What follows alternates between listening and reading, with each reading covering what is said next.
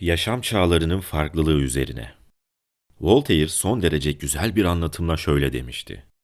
Yaşının ruhuna sahip olmayan, yaşının tüm sıkıntılarını yaşar. Bu yüzden bu mutluluk öğretisi incelememizin sonunda, yaşadığımız yılların bizde yarattığı değişikliklere bir bakış atmak uygun olacaktır. Tüm yaşamımız boyunca sadece şimdiki zamanın farkında oluruz. Asla daha fazlasının değil. Şimdiki zamanın özelliği ise başlangıçta önümüzde uzun bir gelecek ama sonlara doğruysa ardımızda uzun bir geçmiş görmemizdir. Bundan dolayı huyumuz suyumuz ama bununla birlikte karakterimiz değil, bildik bazı değişiklikler geçirir. Böylelikle her defasında şimdiki zamanın bir başka rengi ortaya çıkar. Daha önceki bir kitabımda çocukluğumuzda neden istekli değil de daha çok meraklı davrandığımızı ele almıştım. Yaşamımızın ilk çeyreğinin mutluluk içinde geçişi tam da bu nedene dayanır.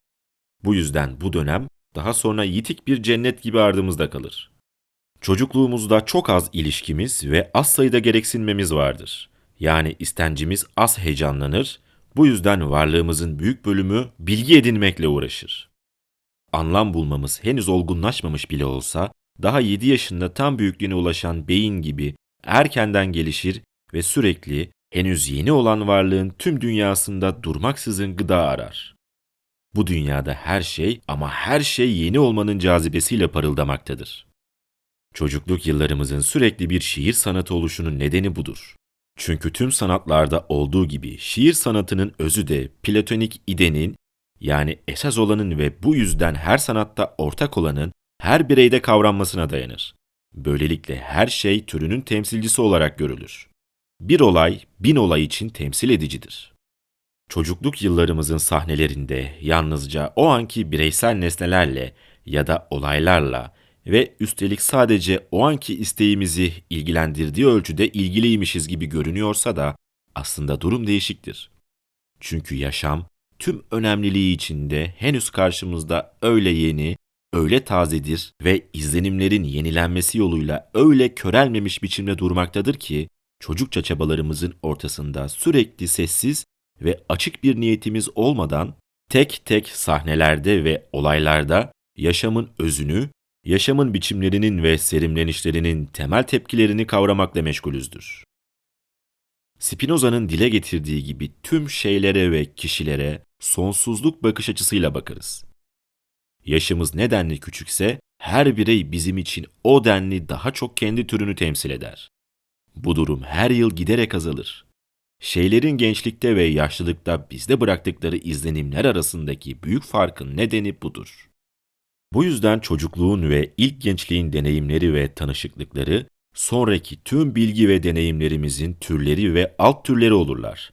Adeta birer kategori oluştururlar ve biz daha sonraki tüm bilgi ve deneyimlerimizi bunu sürekli açık bir bilinçle yapmasak da bu kategorilerin altına yerleştiririz. Böylece dünya görüşümüzün sabit temeli ve onun yüzeyselliği ya da derinliği daha çocukluk yıllarımızda oluşur. Daha sonra bu görüş ayrıntılı olarak işlenir ve tamamlanır. Ancak özünde değişmez.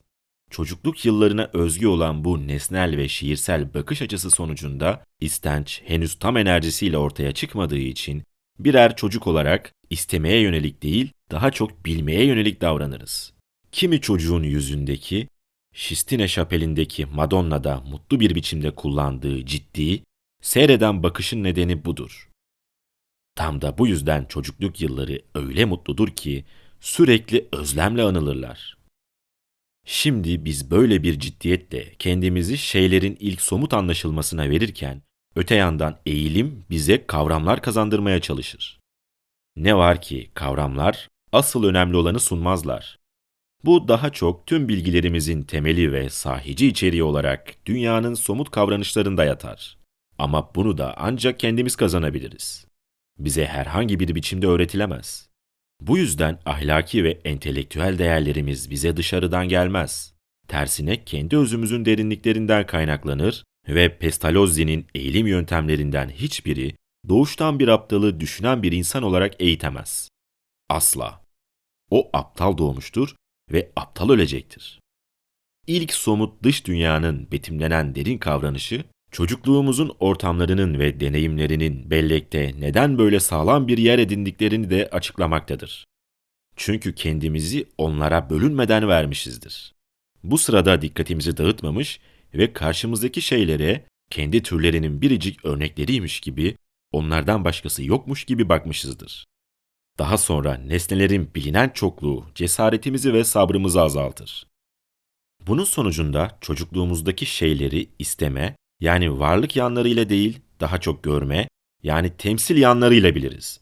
Bu da şeylerin sevindirici yanı olduğu için ama henüz öznel ve korkunç yanlarını bilmediğimiz için genç zihin, gerçeğin ve sanatın kendisine gösterdiği tüm varlıkları aynı ölçüde mutlu varlıklar olarak görür.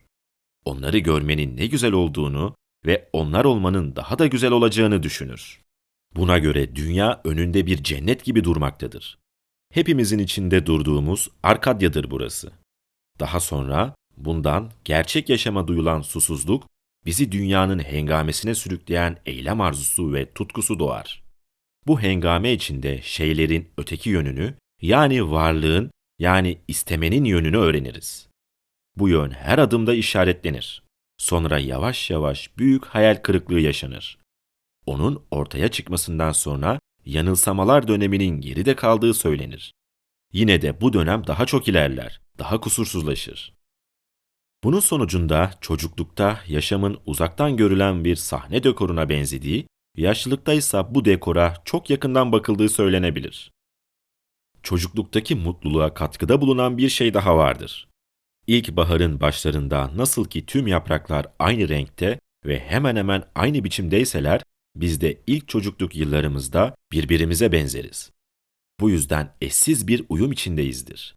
Ama ergenlikle birlikte farklılaşma başlar ve bir çemberin yarı çaplarının arasındaki açıklık gibi giderek daha da büyür. Yaşamın ikinci yarısından çok daha avantajlı olan birinci yarısını, yani gençlik yıllarını bulandıran, hatta mutsuz kılan, yaşamda mutlu olmak gerektiği kesin varsayımıyla mutluluk peşinde koşmaktır. Umutların sürekli hayal kırıklığıyla sonuçlanmasının ve bunun sonucunda hoşnutsuzluğun ortaya çıkmasının nedeni budur. Düşlenen, belirsiz bir mutluluğun hayali imgeleri gözünüzün önünden keyfi biçimlerde geçerler ve biz boş yere onların ilk görüntüsünü ararız. Bu yüzden gençlik yıllarımızda konumumuzdan ve çevremizden her nasıl olurlarsa olsunlar çoğumuz hoşnut değilizdir. Çünkü ancak şimdi bütünüyle başka şeyler bekledikten sonra tanımaya başladığımız insan yaşamının her yerdeki boşluğunu ve sefilliğini kendi çevremize atfederiz. Dünyadan alınacak çok şey bulunduğu kuruntusunun kökü zamanında bir öğretimle gençlik yıllarında kazınmış olsaydı çok şey kazanılırdı. Ama bunun tam tersi gerçekleşir. Yaşamı gerçeklik yoluyla tanımadan önce edebiyat yoluyla tanırız. Hayal gücünün betimlediği sahneler gençliğimizin şafağında gözümüzün önünde parıldarlar. Ve şimdi bunların gerçekliğini görme, gökkuşağını yakalama arzusuyla yanıp tutuşuruz. Yeni yetme genç, yaşamının ilginç bir roman gibi geçmesini bekler. Böylece hayal kırıklığı ortaya çıkar. Çünkü bu imgelere çekicilik kazandıran tanı da salt imgeler olmaları ve gerçeklik olmamalı. Buna göre yaşamın ilk yarısının karakteri mutluluğa yönelik doyurulmamış bir özlem, ikinci yarısının karakteri ise mutsuzluk endişesidir. Çünkü bu ikinci yarıda az ya da çok belirgin bir biçimde tüm mutlulukların hayalet gibi oldukları, buna karşılık acıların gerçek oldukları bilgisi de gelmiştir. Bu yüzden şimdi en azından daha akıllı karakterler hazdan çok salt acısızlığa ve rahatsız edilmedikleri bir duruma ulaşmaya çabalayacaktır. Gençlik yıllarımda kapım çalındığında hoşuma giderdi. Çünkü işte geldi derdim. Ama daha sonraki yıllarda aynı durum karşısındaki duygum daha çok korkuyla akrabaydı. Eyvah geliyor diye düşünürdüm. İnsanların dünyası açısından seçkin ve yetenekli bireyler için olduğu kadar aslında tam olarak böyle olmayan ama üstünlüklerinin derecesine göre az ya da çok yalnız yaşayanlar içinde birbirine karşıt iki duygu vardır. Gençlikte sık sık insanların dünyası tarafından terk edildiği duygusuna kapınılır. Sonraki yıllardaysa bu kurtulmuş olma duygusuna dönüşür. Birinci hoş olmayan duygu bu dünyayı tanımamaya, ikinci hoş duygu da bu dünyayla tanışmış olmaya dayanır. Bunun sonucunda yaşamın ikinci yarısı, bir müzik cümlesinin ikinci yarısı gibi birincisinden daha az çabalama ama daha çok dinginlik içerir.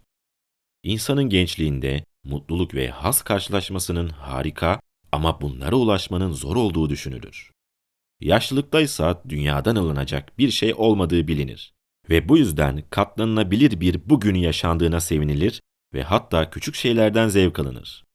Olgun adamın yaşam deneyimiyle ulaştığı ve bu yüzden dünyayı yeni yetmeden ve delikanlıdan başka bir gözle gördüğü şey öncelikle ön yargısızlıktır. Öncelikle şeyleri bütünüyle basit bir biçimde görür ve oldukları gibi kabul eder. Oysa delikanlının ve yeni yetmenin kendi yarattığı hayallerden, geleneksel ön yargılardan ve tuhaf düşlemlerden oluşan bir hayali gerçek dünyayı örter ya da çarpıtır. Çünkü deneyimin yapacağı ilk iş bizi kafamızdaki gençlikte yerleşmiş hayallerden ve yanlış kavramlardan kurtarmaktır. Gençlik yıllarını bunlardan korumak ise salt olumsuz olsa bile yine de en iyi bir eğitim olurdu. Ama bunu gerçekleştirmek çok zordur. Bu amaçla çocuğun görüş ufkunu başlangıçta olabildiğince dar tutmak, bunun için de ona salt, net ve doğru kavramlar vermek ve ancak bu ufkun içinde yer alan her şeyi doğru öğrenmesinden sonra bunu geride karanlık bir şeyin, yarım ya da yanlış anlaşılmamış bir şeyin kalmamasına dikkat ederek yavaş yavaş genişletmek gerekirdi. Bunun sonucunda çocuğun şeyler ve insan ilişkileri hakkındaki kavramları hala çok sınırlı ve çok basit olacak ama buna karşılık net ve doğrulanmaları değil sürekli genişletilmeleri gerekecektir. Ve bu böyle ilk gençlik yıllarına dek sürecektir. Bu yöntem özellikle çocuğun roman okumasına izin verilmemesini, bunun yerine uygun biyografilerin konulmasını gerektirir. Gençliğimizde yaşamımız için önem taşıyan ve büyük sonuçlar doğuracak olayların ve kişilerin karşımıza davul zurnayla çıkacaklarını sanırız. Ama yaşlılığımızda geri dönüp baktığımız zaman bunların hepsinin de sessizce arka kapıdan ve adeta dikkati çekmeden içeri süzülmüş olduklarını görürüz. Ayrıca buraya kadar incelenen açıdan yaşamı işlenmiş bir kumaşa benzetebiliriz. Herkes yaşamının ilk yarısında bu kumaşın ön yüzünü ama ikinci yarısında ise arka yüzünü görür. Arka yüzü o denli güzel değildir ama öğreticidir. Çünkü ipliklerin bağlantılarını görmemize izin verir. Zihinsel üstünlük, hatta en büyük olanı bile konuşma sırasındaki ağırlığını ancak 40. yaştan sonra belli edecektir. Çünkü bu üstünlük yılların olgunluğu ve deneyiminin meyvesi karşısında belki kat kat ağır basabilir. Ama onların yerine asla geçemez. En sıradan insanın bile genç yaştaki büyük zihnin güçleri karşısında belirli bir üstünlüğü vardır. Burada salt, kişisel güçlerden söz ediyorum, yapıtlardan değil. Herhangi bir bakımdan üstünlüğü bulunan, insanlığın doğanın hazin bir biçimde sunduğu, altıda beşine dahil olmayan her insanın 40 yaşından sonra belirli bir insan sevmezlik ruh halinden kurtulması zor olacaktır. Çünkü doğallıkla, ötekilerle kendiliğinden dostluk kurmuş ve yavaş yavaş hayal kırıklığına uğramıştır. Onların hem kafa yönünden hem de yürek yönünden hatta çoğunlukla iki yönden de kendisinin gerisinde kaldıklarını ve kendisiyle uzlaşmadıklarını görmüştür. Bu yüzden onlarla ilişki kurmaktan kaçınmayı tercih eder. Genel olarak da herkes kendi içsel değerinin görüşüne göre yalnızlıktan yani kendi kendisiyle olmaktan hoşlanır ya da nefret eder. Immanuel Kant da Yargı Gücünün Eleştirisi adlı kitabında bu tür bir insan sevmezliği ele alır. Genç bir insanın insanların uğraşları ve çabaları içinde kendi yolunu oldukça erkenden bulabilmesi, hatta burada evindeymiş gibi davranması ve bu işlere sanki önceden hazırlanmış gibi girebilmesi entelektüel ve ahlaki açıdan kötü bir belirtidir. Buna karşılık böyle bir ilişki içinde yabancı, şaşkın, beceriksiz ve yanlış davranmak soylu bir doğaya işarettir.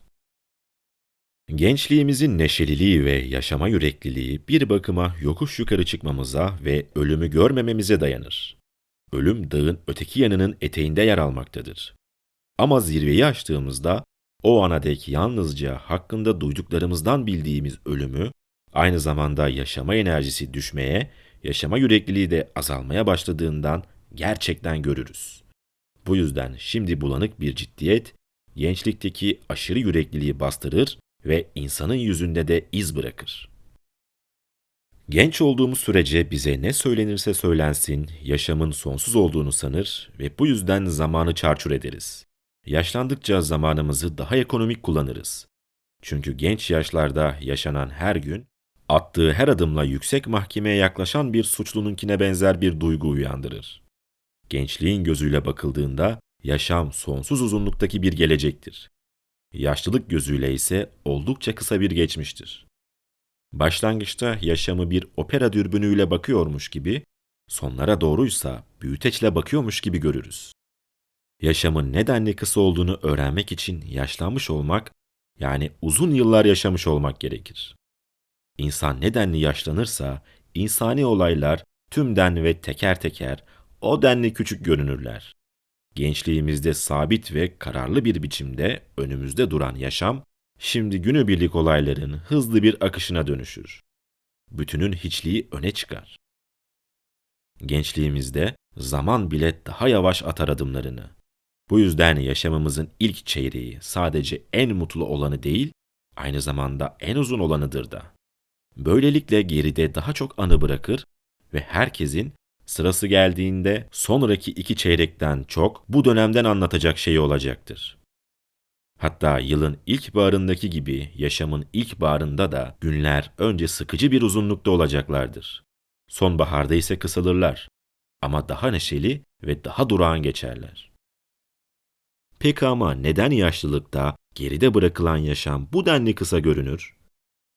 Çünkü anısı kısa olan yaşama kısa gözüyle bakılır. Yaşamın anısından önemsiz olan her şey ve hoş olmayanların çoğu unutulmuş, bu yüzden geriye çok az şey kalmıştır. Çünkü nasıl ki zihnimiz genel olarak çok yetersizse, belleğimiz de öyledir. Öğrenilen üzerinde alıştırma yapılmaz, geçmiş olaylar üzerinde düşünülmezse, ikisi de yavaş yavaş unutulmuşluğun uçurumuna düşerler. Ama önemsiz şeylerin ve çoğu hoş olmayan şeylerin de üzerine düşünmeyiz. Oysa onları bellekte tutmak için bunu yapmak gerekir.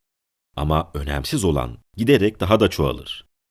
Çünkü başlangıçta önemli görünen birçok şey sık sık ve çoğunlukla sonsuz sayıda yeniden karşımıza çıktıkça yavaş yavaş önemsizleşir.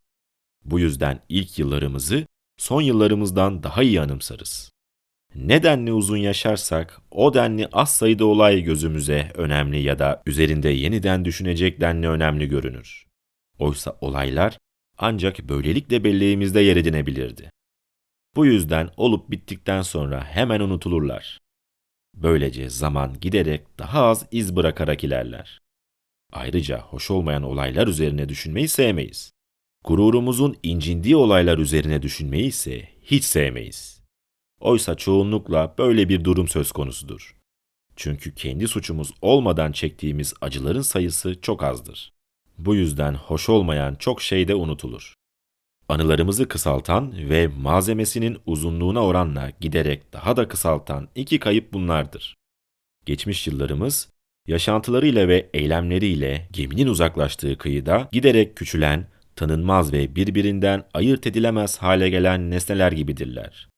Üstelik bellek ve düşlem ara sıra yaşamımızın çok önceden geçmiş bir sahnesini sanki dün olmuş gibi öyle canlı bir biçimde gözümüzün önüne getirirler ki bu sahne bize çok yakınlaşır.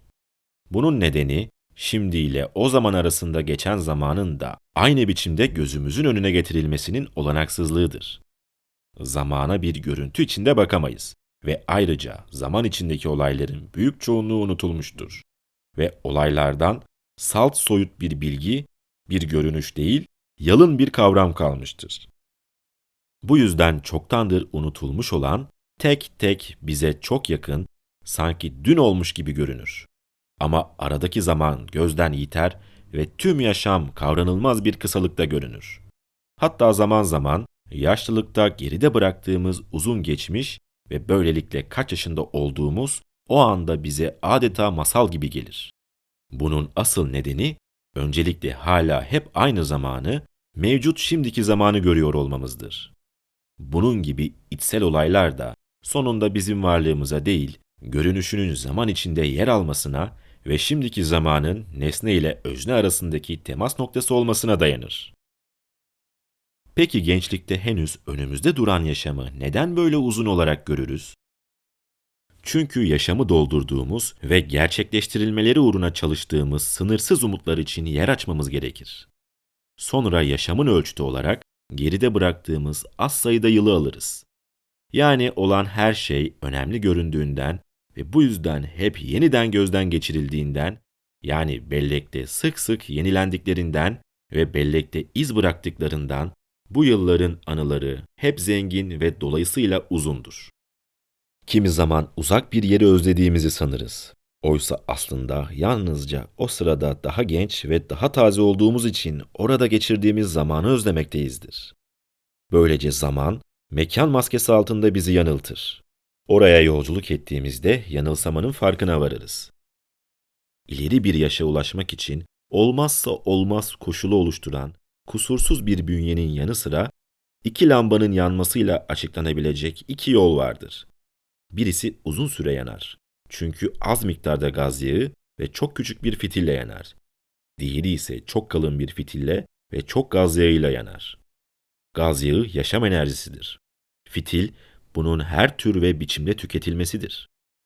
Yaşam enerjisi açısından 36. yaşımıza dek faiz gelirleriyle yaşayanlara benzeriz. Bugün harcadığımız yarın yine yerine konur. Ama o yaştan itibaren sermayesini yemeye başlayan bir rantiye benzeriz. Başlangıçta durum pek fark edilmez. Harcananın büyük bir bölümü yeniden kendiliğinden geri gelir. Küçük bir açık ise dikkate alınmaz. Ama bu açık yavaş yavaş büyür. Gözde görülür hale gelir. Her gün giderek artar. Gitgide açılır. Kişi bugün dünden daha yoksuldur. Umudu ve huzuru kalmamıştır. Böylece cisimlerin düşerken daha da hızlanmaları gibi açılma giderek hızlanır. Ta ki geride bir şey kalmayıncaya kadar. Burada karşılaştırılan yaşam enerjisinin ve mal varlığının birlikte eriyip gitmeleri gerçekten trajik bir durumdur. Bu yüzden yaşlılıkla birlikte mülk sevgisi de artar.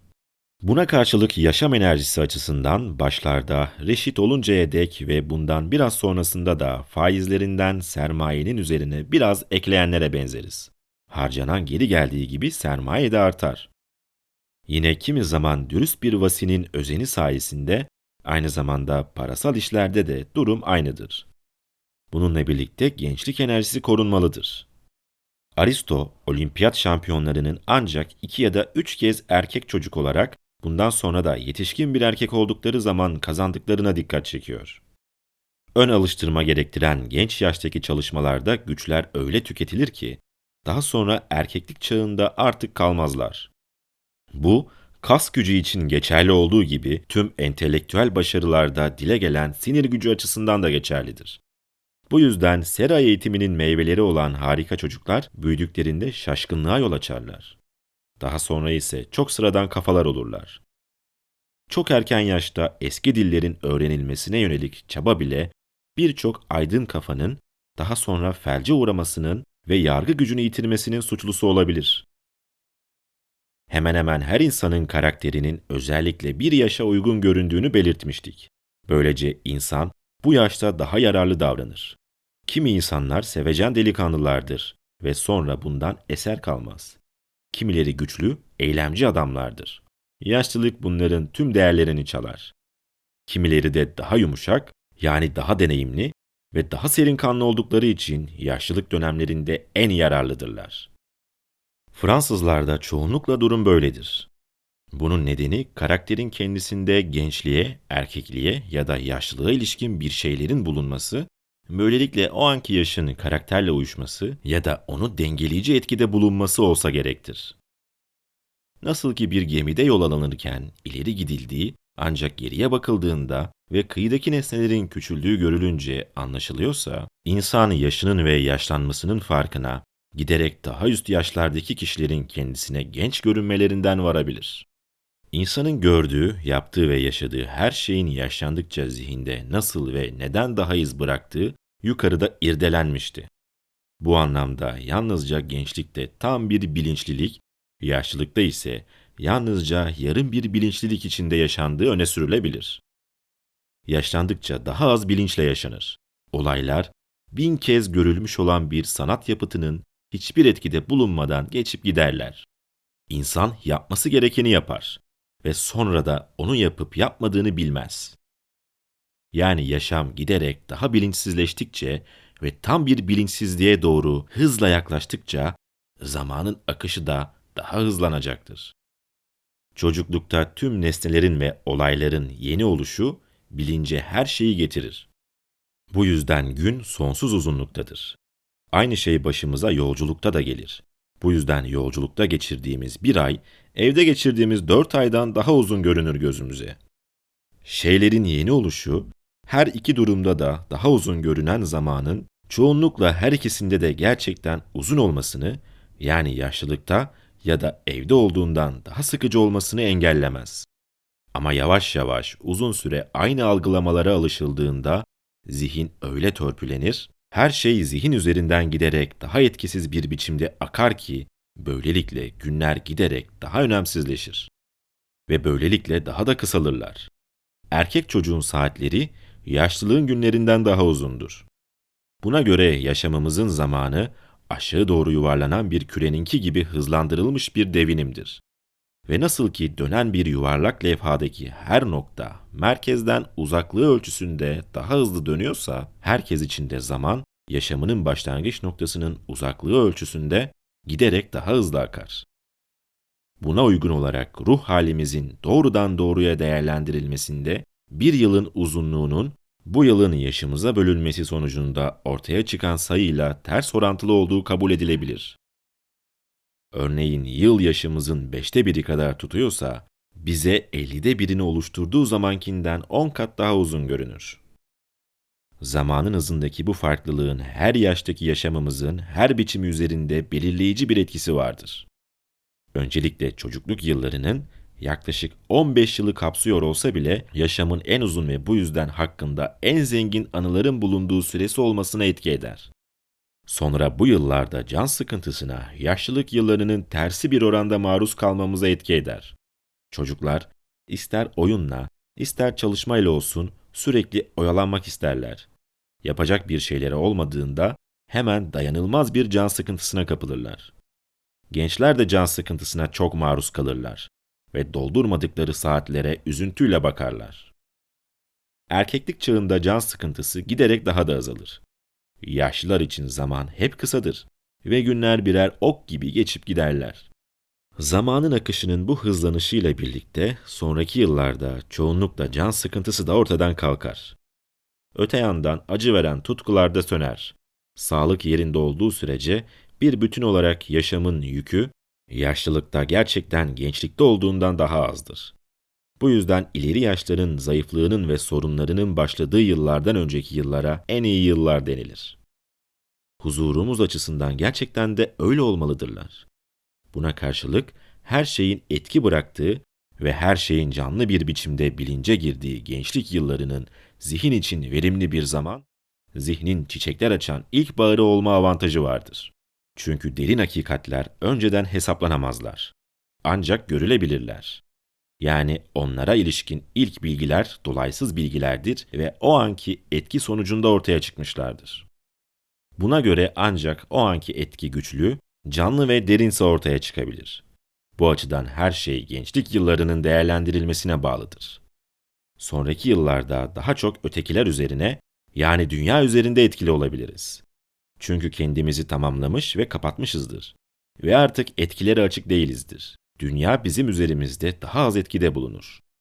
Bu yüzden sonraki yıllar etkinlik ve başarı yılları iken gençlik yılları ilk kavrayış ve bilgi yıllarıdır. Gençlikte bakma, yaşlılıkta düşünme egemendir. Bu yüzden gençlik şiir sanatının, yaşlılık daha çok felsefenin zamanıdır. Pratik olarak da insan gençlikte kendisini sadece baktığı şeyin ve onun bıraktığı etkinin, yaşlılıkta ise yalnızca düşünmenin belirlemesine izin verir. Bunun bir nedeni, yaşlılıkta görülecek olaylarla yeterince sayıda karşılaşmamış olması ve bunların tam anlamlarını, kapsamlarını ve itibarlarını vermek ve aynı zamanda görmenin etkisini alışkanlık yoluyla ılımlaştırmak amacıyla kavramların altına yerleştirilmiş olmalarıdır.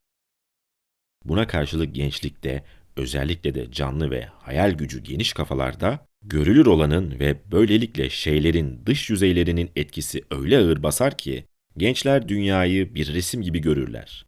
Bu yüzden esas olarak şeylerin biçimlenişleriyle ve içsel durumlarının ne olduğuyla ilgilenmekten çok nasıl davrandıklarıyla ilgilenirler. Gençlerin kişisel kibirliliği ve süslenme düşkünlüğü bile bunu gösterir. Zihinsel güçlerin büyük enerjisi ve en büyük gerilimi hiç kuşkusuz gençlikte en geç 35. yaşa kadar gerçekleşir. O yaştan sonra çok yavaş da olsa azalır. Yine de sonraki yıllarda, yaşlılıkta bile bunun zihinsel telafisi eksik değildir. Deneyim ve bilgelik aslında ancak şimdi zenginleşmişlerdir. İnsanın şeyleri tüm yönleriyle incelemeye ve düşünmeye zamanı ve fırsatı olmuştur. Her şeyi her şeyle bir araya getirmiş ve temas noktalarını ve bağlantı unsurlarını bulmuştur. Böylelikle ancak şimdi onları tam bağlamları içinde anlar. Her şey aydınlanmıştır. Bu yüzden insan gençlik yıllarından beri bildiği şeyi bile daha ayrıntılı olarak bilir. Çünkü her kavram için daha çok kanıt vardır elinin altında. Gençlikte bilindiğine inanılan şey, yaşlılıkta gerçekten bilinilir. Ayrıca yaşlılıkta daha çok ve tüm yönleriyle düşünülmüş ve böylelikle aslında bütünüyle birbiriyle bağlantılı bilgilere sahip olunur. Gençlikte ise bilgimiz sürekli boşluklar içeren ve bölük bölçük bir bilgidir. Ancak yaşlanan birisi yaşam hakkında tam ve uygun bir tasarıma sahip olur. Yaşamı bütünlüğü ve doğal akışı içinde ama özellikle ötekiler gibi salt giriş yönünden değil, aynı zamanda çıkış yönünden de görür. Böylelikle özellikle yaşamın hiçliğini bütünüyle tanır. Oysa ötekiler sürekli yaşamın asıl yönünün henüz gelmediği konusuna kapılmışlardır. Buna karşılık gençlikte daha çok yaratı vardır. Bu yüzden bilinen az şey aslında olduklarından daha çok şeye dönüştürülür. Ama yaşlılıkta daha çok yargı, nüfus etme ve titizlik vardır. İnsan kendine özgü bilgilerin, kendi özgün temel görüşlerinin, yani seçkin bir kafanın dünyaya hediye edeceği şeyin temel malzemesini daha gençliğinde toplamıştır. Ama ancak ileri yaşlarda bu malzemenin ustası olur. Buna uygun olarak büyük yazarların başyapıtlarını çoğunlukla 50. yaşları dolaylarında yazmış olduklarını görürüz. Yine de bilgi ağacının kökleri gençliktedir. Meyvelerini ise ancak tepedeki dallar taşır. Kendisini önceki çağlardan daha bilge sanan her tarihsel dönem öncekilerden daha zavallıysa, insanların yaşlarında da durum aynıdır. İkisi de yanılmaktadırlar zihinsel güçlerimizin ve bilgimizin de gün be gün arttığı bedensel gelişme yıllarında bugün dünü küçük görmeye alışır. Bu alışkanlık kök salar ve zihinsel güçlerin azalmaya başlamasından sonra bugünün düne daha çok saygıyla bakması gereken günlerde de sürer. Bu yüzden gençlik yıllarımızın hem başarılarını hem de yargılarını çoğunlukla küçümseriz. Genel olarak insanın karakteri ya da yüreği gibi zihninin ve kafasının da temel özellikleri açısından doğuştan gelmiş olmasına karşın asla onlar gibi değiştirilemez olmadığını, üstelik kimi değişiklikler geçirdiğini, hatta bu değişikliklerin düzenli olarak ortaya çıktığını belirtmek gerekir. Bu değişiklikler bir bakıma zihnin fiziksel bir temelinin olmasına, bir bakıma da empirik bir malzemesinin bulunmasına dayanırlar. Bu yüzden zihnin gücü yavaş yavaş doruk noktasına ulaşır ve sonra yavaş yavaş embesilliğe kadar düşer. Ama burada tüm bu güçleri çalıştıran ve etkinlik içinde tutan malzeme, yani düşüncenin ve bilmenin içeriği, deneyim, bilgiler, alıştırma ve böylelikle kavrayışın kusursuzluğu, her şeyi yok eden kesin zayıflığın ortaya çıkışına dek sürekli artan bir büyüklüktür. Bunlar insanlarda bir yandan kesinlikle değişmez ve öte yandan düzenli bir biçimde değişen olmak üzere ikili ve birbirine zıt bir biçimde vardır. Değişen biçimleri çeşitli yaşlardaki görünümlerin ve geçerliliklerinin farklılıklarını açırlar. Bir başka anlamda yaşamımızın ilk 40 yılı bize metni sunar. Sonraki 30 yıl bu metnin yorumunun hakiki anlamını ve bağlamını verir. Bu metnin ahlakını ve tüm inceliklerini de ancak hakkıyla anlamamızı sağlar. Yaşamımızın sonuna doğruysa bir maskeli balonun sonlarında maskelerin artık çıkarıldığı ana benzer bir durum ortaya çıkar. Şimdi artık yaşamımız boyunca ilişkimiz olan kişilerin gerçek yüzlerini görürüz. Çünkü karakterler gün yüzüne çıkmış, eylemler meyvelerini vermiş, başarılar hak ettikleri değeri bulmuş ve tüm yanıltıcı görüntüler dağılmıştır. Elbette tüm bunlar için zaman gerekmiştir. Ama asıl tuhaf olanı insanın kendi kendisini, kendi hedeflerini ve amaçlarını bile özellikle de dünyaya ve başkalarına karşı ilgisini esas olarak ancak yaşamının sonuna doğru tanıması ve anlamasıdır. Gerçi bu sırada her insanın olmasa bile çoğu zaman insan daha önce zannettiğinden daha aşağıda bir yeri uygun görür kendisine. Oysa dünyanın alçaklığı hakkında yeterince düşünemediği ve bu yüzden kendi hedefini dünyadan daha yüksekte tuttuğu için bazen daha da yüksek bir yer ayırmıştır. Bu arada nasıl bir yerde olduğunu öğrenir. Gençlik yaşamının mutlu dönemi, yaşlılıksa hazin dönemi olarak adlandırılır. Tutkular mutluluk verseydiler bu doğru olabilirdi. Gençlik tutkular tarafından oraya buraya çekilir, çok az neşeyle ve fazlasıyla eziyetle soğuk yaşlılığı rahat bırakırlar. Ve yaşlılık da hemen iç dünyaya yönelik bir çehreye bürünür. Çünkü bilgi özgürleşir ve ağır basar. Şimdi bilgi kendince acısız olduğundan bilinçte ne çok bilgi hükmederse de o denli mutlu olur. Tutkuların mutluluk veremeyeceğini ve bu yüzden kimi hazlardan yoksun olan yaşlılığın yakınılacak bir durum olmadığını kavramak, tüm nazların negatif, acının ise pozitif olduğunu düşünmek yeter. Yaşlılıkla her türlü gereksinim de ortadan kalktığı için insanın yemekten sonra daha fazla yiyememesi ya da uykusunu aldıktan sonra uyanık kalması yüzünden yakınmaması gibi bundan da yakınmamak gerekir.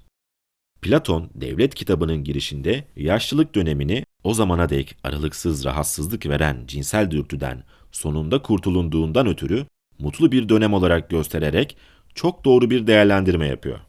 Hatta sürekli düşkün olduğu cinsel dürtünün ya da şeytanın etkisi altında kaldığı sürece bu dürtünün ürettiği çok çeşitli ve sonsuz heveslerin ve bu heveslerden kaynaklanan heyecanların insanda sürekli yumuşak bir çılgınlığı sürdürdükleri bile söylenebilir. Bu yüzden insan ancak bu dürtünün sönmesinden sonra bütünüyle akıllı olacaktır. Ama genel olarak ve tüm bireysel koşullar ve durumlar bir yana bırakılırsa, belirli bir melankoli ve hüznün gençliğe, belirli bir neşeliliğin ise yaşlılığa özgü olduğu kesindir. Bunun nedeni, gençliğin henüz kendisine kolay kolay bir saat bile rahat vermeyen, aynı zamanda insanın başına gelen ya da onu tehdit eden hemen hemen her türlü belanın doğrudan ya da dolaysız sahibi olan söz konusu şeytanın emrinde hatta Angarya hizmetinde olmasından başka bir şey değildir. Ama yaşlılık uzun süredir taşıdığı bir zincirden kurtulmuş olmanın ve şimdi özgürce devinilebilmenin neşesi içindedir. Öte yandan cinsel dürtünün sönmesinden sonra yaşamın asıl çekirdeğinin tükenip yalnızca kabuğunun kaldığı, insanlar tarafından başlanan ama sonra aynı kostümlerle otomatlar tarafından sona erdirilen bir komediye benzediği de söylenebilir. Nasıl olursa olsun gençlik gürültü, patırtı, yaşlılık ise dinginlik dönemidir. Yaşlılığın iki yönden de huzurlu oluşu buradan bile çıkarılabilir. Çocuk ellerini merakla ileriye, renkli ve çok biçimli gördüğü her şeye doğru uzatır. Çünkü bunlar duyuları henüz çok taze ve çok genç olduğu için onu çekerler. Aynı durum daha büyük bir enerjiyle gençlikte de görülür. Genç insan da rengarenk dünya ve onun çok çeşitli biçimleri tarafından çekilir. Hayal gücü hemen bunları dünyanın verebileceğinden çok fazlasına dönüştürür. Bu yüzden genç insan belirsiz olana karşı heves ve özlem içindedir. Bunlar onun huzurunu bozar. Oysaki huzursuz mutluluk olmaz. Buna karşılık her şey duraklamıştır.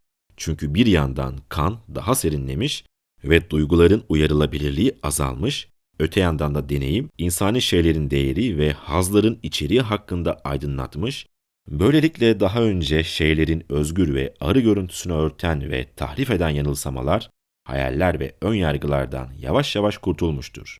Böylece şimdi insan her şeyi daha doğru ve daha açık bir biçimde tanır ve her şeyi olduğu gibi kabul eder. Aynı zamanda tüm dünyevi şeylerin hiçliğini az ya da çok kavramıştır.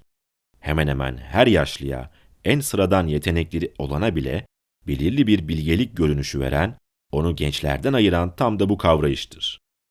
Bilindiği gibi yaşlılığın yazgısının hastalık ve can sıkıntısı olduğu söylenir. Hastalık asla yaşlı olmanın başlıca özelliği değildir. Meğer ki önceden olmasın. Çünkü yaş arttıkça sağlık da hastalık da artar. Can sıkıntısına gelince, yukarıda yaşlıların buna gençlikten daha az maruz kaldığını gösterdim. Can sıkıntısı, kolaylıkla görülebilecek nedenlerden ötürü yaşlılığın karşımıza yine de çıkardığı yalnızlığın kendisine zorunlu bir eşlikçisi değildir. Tersine can sıkıntısı yalnızca duygusal ve toplumsal bazlardan başkasını tanımamış, zihinlerini zenginleştirmemiş ve güçlerini geliştirmemiş olanlar içindir. Gerçi ileri yaşlarda zihinsel güçler de azalır. Ama bu güçlerin çok olduğu kişide can sıkıntısıyla başa çıkabilmek için yeteri kadarı kalacaktır. Bundan sonra az önce anlattığım gibi deneyim, bilgi, alıştırma ve üzerinde düşünme sayesinde doğru kavrayış giderek artar. Yargı keskinleşir, bağlam netleşir. Her olayda bütünüyle az ya da çok kapsayıcı bir görüntüye ulaşılır. Bundan sonra da biriken bilgilerin her defasında yeni kombinasyonları ve yeri geldikçe zenginleştirilmeleri sayesinde insanın asıl iç dünyasındaki kendini yetiştirmesi ve parçada ilerlemesini sürdürür. Zihni çalıştırır, tatmin eder ve ödüllendirir. Eski ahitte, mezmurlarda insanın yaşam süresi 70 yıl, uzun sürerse 80 yıl olarak veriliyor. Herodot da aynı şeyi söylüyor. Ama bu sayı yanlıştır ve sadece gündelik deneyimin kaba ve yüzeysel bir kavrayışının sonucudur. Çünkü doğal yaşam süresi 70-80 yıl olsaydı, 70 ile 80 yaşları arasındaki insanların yaşlılıktan ölmeleri gerekirdi. Oysaki durum kesinlikle böyle değildir. Onlar da daha gençler gibi hastalıklar yüzünden ölürler. Ama hastalık esas olarak bir anormalliktir.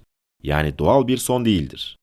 İnsanlar ancak 90 ile 100 yaşları arasında kural olarak yaşlılıktan, yani hastalanmadan, ölüm döşeğinde yatmadan, kasılmadan, hırıldamadan, kimi zaman sararıp solmadan ölürler. Bu yüzden bu konuda doğal yaşam süresini 100 yıl olarak veren Upanishadlar haklıdır. İnsan yaşamının aslında ne uzun ne de kısa olduğu söylenebilir. Çünkü esas olarak tüm öteki zaman uzunluklarını insan yaşamına göre ölçeriz. Gençlikle yaşlılık arasında temel fark, gençliğin her zaman yaşamı, yaşlılığın ise ölümü görmesidir. Yani gençliğin kısa bir geçmişe ve uzun bir geleceğe sahip olması, yaşlılıkta ise bunun tam tersinin söz konusu olmasıdır.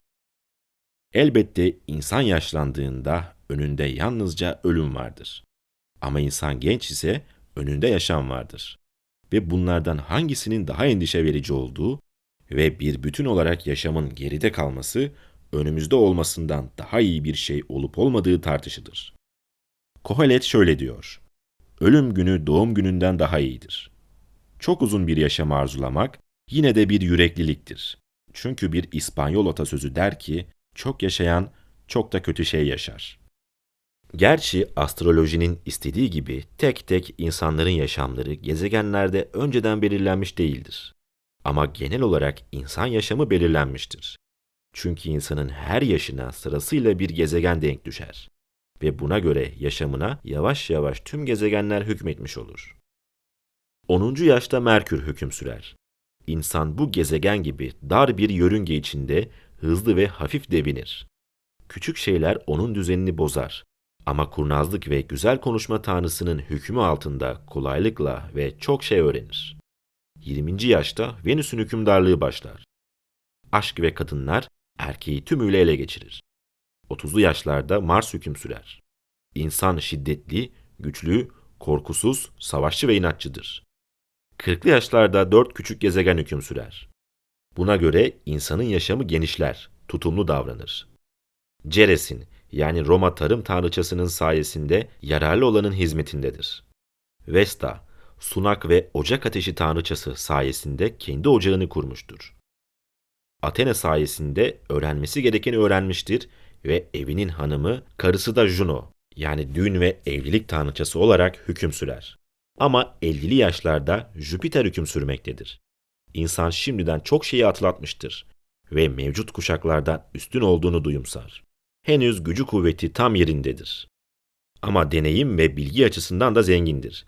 Bireyselliği ve konumu ölçüsünde kendisini çevreleyen her şey üzerinde söz sahibidir. Buna göre artık emir almaz, tersine emir verir. Kendi etkinlik çevresi içerisinde şimdi yönetici ve hükümdar olarak en uygun kişidir. 50 yaşındaki adam böylece Jüpiter'le en üst noktaya ulaşır. Ama bunu 60'lı yaşlarda Satürn ve onunla birlikte kurşunun ağırlığı, yavaşlığı ve sertliği izler. Yaşlıların çoğu ölülere benzerler. Kurşun gibi ağır, sert, hantal ve solukturlar. Son olarak Uranüs gelir. O zaman söylenildiği gibi göklere çıkılır. Neptün'ü, gerçek adı olan Eros'la anamayacağım için burada hesaba katamam. Yoksa sonun nasıl başlangıçla birleştiğini, yani Eros'un ölümle gizli bir bağlantı içinde olduğunu, bu bağlantı yüzünden Mısırlıların Orfeos'unun, yani yeraltı ölüler dünyası tanrısını alan ve veren, yani salt alan değil, aynı zamanda veren olduğunu ve ölümün yaşamın büyük havuzu olduğunu göstermek istedim. Bu yüzden her şey Orkus'tan gelir ve şimdi yaşam sahibi olan her şey orada zaten bulunmuştur.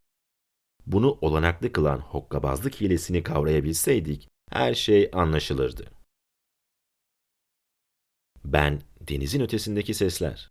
Kanalıma abone olabilir ve beni Instagram hesabımdan takip edebilirsiniz. Görüşmek üzere.